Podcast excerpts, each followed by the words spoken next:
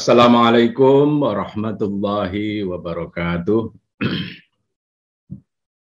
uh, podcast uh, episode kali ini uh, akan menjawab pertanyaan dari Bapak Muhammad Soleh di lingkungan masyarakat yang majemuk.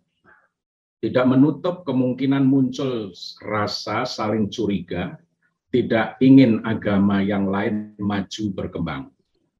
Ada satu kondisi atau kepentingan untuk mengembangkan agama dan keyakinannya.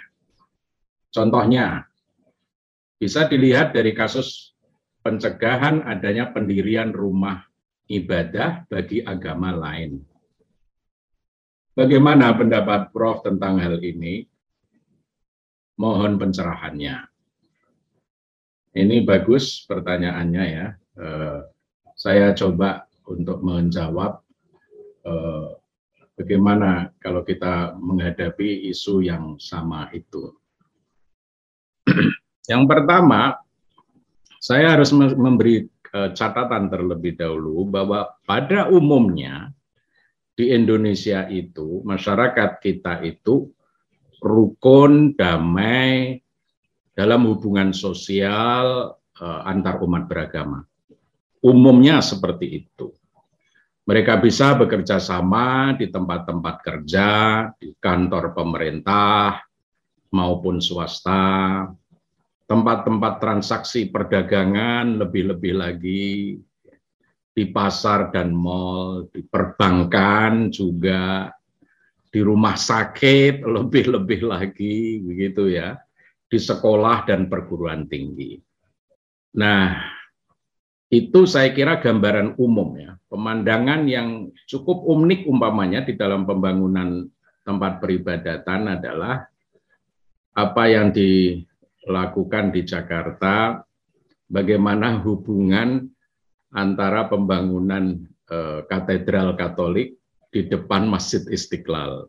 Dan juga begitu selanjutnya pembangunan Masjid Istiqlal di depan Katedral Katolik gitu Jakarta. Bahkan sekarang ada underpassnya kan antara dua tempat ibadah itu. Nah itu sebetulnya sebagai simbol bahwa di Indonesia itu di dalam masyarakat majemuk hubungan antar agamanya itu sebetulnya bagus rukun. Jika saja di suatu tempat ada ada masalah, sudah barang tentu itu adalah pengecualian begitu bukan fenomena umum begitu itu yang ingin saya garis bawahi terlebih dahulu sebelum menjawab pertanyaan Anda tadi.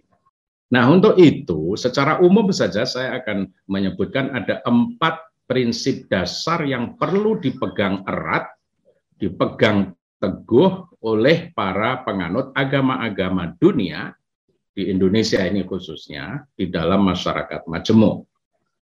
Yang pertama adalah sikap etika keagamaan.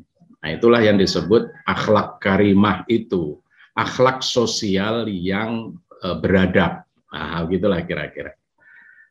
Nah, sesuai e, pedoman agama masing-masing, hubungan baik antar komunitas e, umat beragama yang berbeda-beda itu harus dijaga, harus dirawat dan dilestarikan bahkan.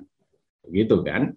Nah, keharmonisan saling menghargai dan menghormati, tidak saling apa ya, terpancing oleh isu-isu kabar burung yang selalu mengganggu jalinan hubungan baik kerukunan antar umat beragama keguyuban antar umat beragama yang berbeda-beda terus menerus harus dirawat ya, dan dijaga.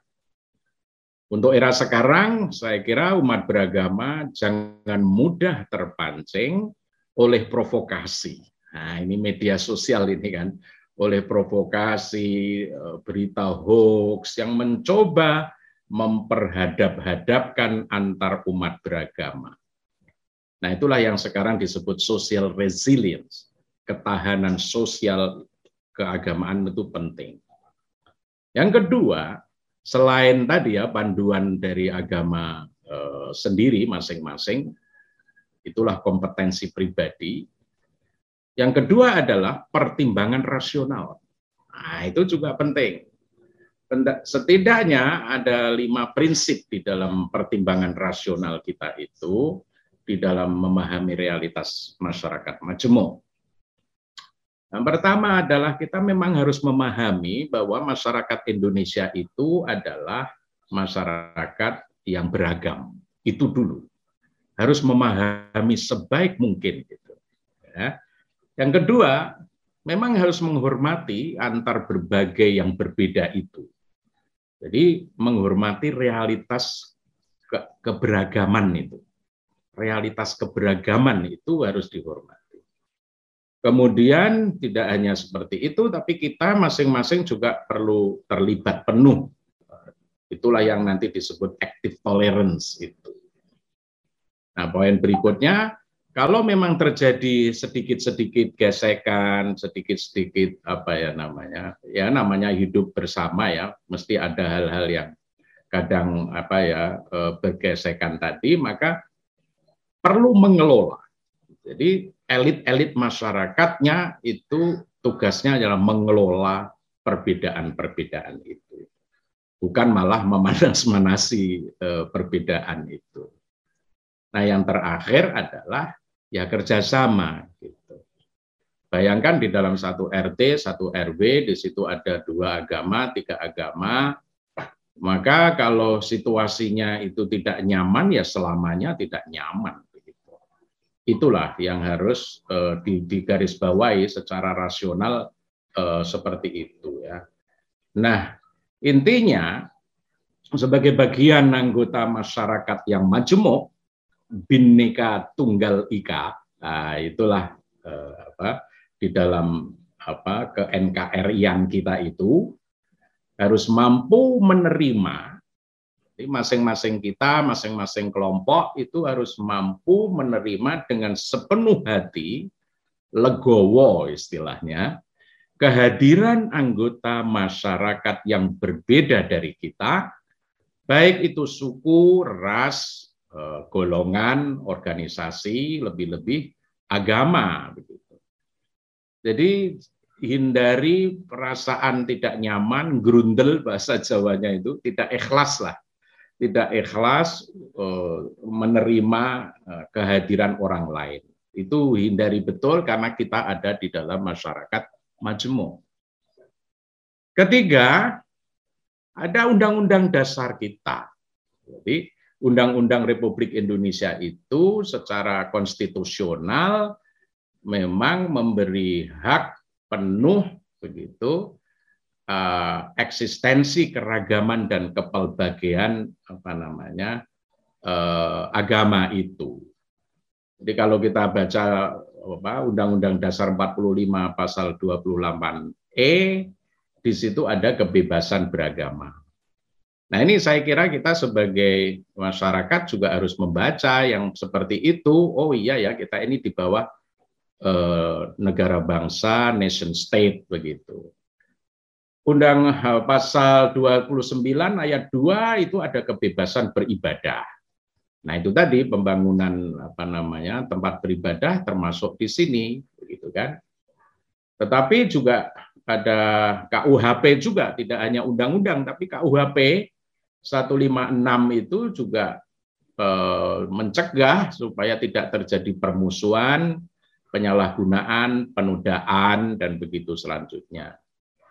Belum lagi apa ketetapan presiden juga ada, gitu ya ketetapan presiden eh, nomor satu PNPS tahun 65 tentang apa namanya pencegahan penyalahgunaan atau penodaan agama.